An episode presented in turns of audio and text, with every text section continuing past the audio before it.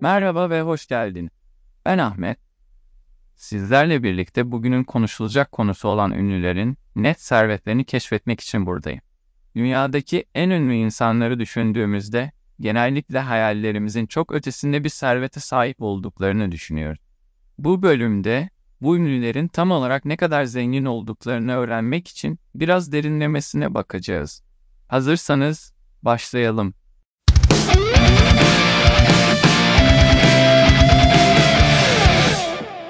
Ünlülerin net servetleriyle ilgili konuşurken karşımıza çıkan ilk isim genellikle Amazon'un kurucusu Jeff Bezos oluyor.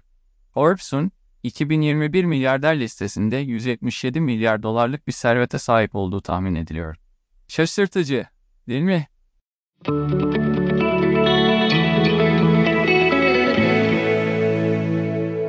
Bir başka ünlü isim ise teknoloji dünyasının ikonik ismi Bill Gates. Microsoft'un kurucusu olarak tanınan Bill Gates'in net serveti yaklaşık olarak 129 milyar dolar olarak tahmin ediliyor.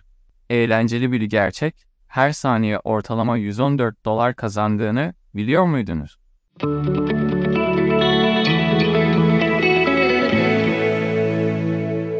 Aynı şekilde eğlence dünyasından gelen bazı ünlülerin servetlerine de bir göz atalım. Var.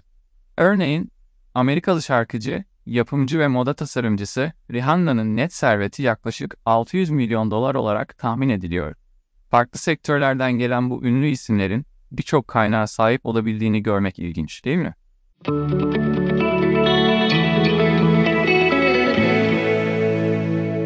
Diğer bir popüler isim olan rapçi ve moda tasarımcısı Kanye West'in net serveti ise yaklaşık olarak 1.8 milyar dolar olarak tahmin ediliyor. Sadece müzik kariyeri değil, aynı zamanda giyim markaları ve diğer yatırımları da ona bu serveti kazandırmış durumda.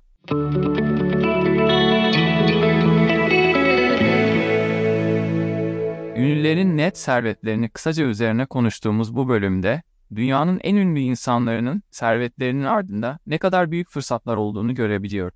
Elbette bu servetlerin nasıl kazanıldığı, insanların çeşitli yeteneklerini kullanmaları, inovasyona açık olmaları ve çoğu kez yıllar süren emek gerektiren bir yolculuk gerektiği unutulmamalı.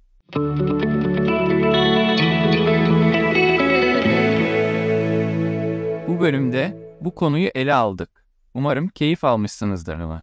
Şu anki servetlerin ne kadar büyük olabileceğini görmek şaşırtıcı olabilir. Ancak her zaman hatırlamanız gereken şey, para ve şöhretin gerçek mutluluğun anahtarı olmadığı. Teşekkür ederim. Bu bölümde sizlerle bir araya geldiğim için mutluyum. Bir sonraki bölümde görüşmek üzere. Hoşça kalın.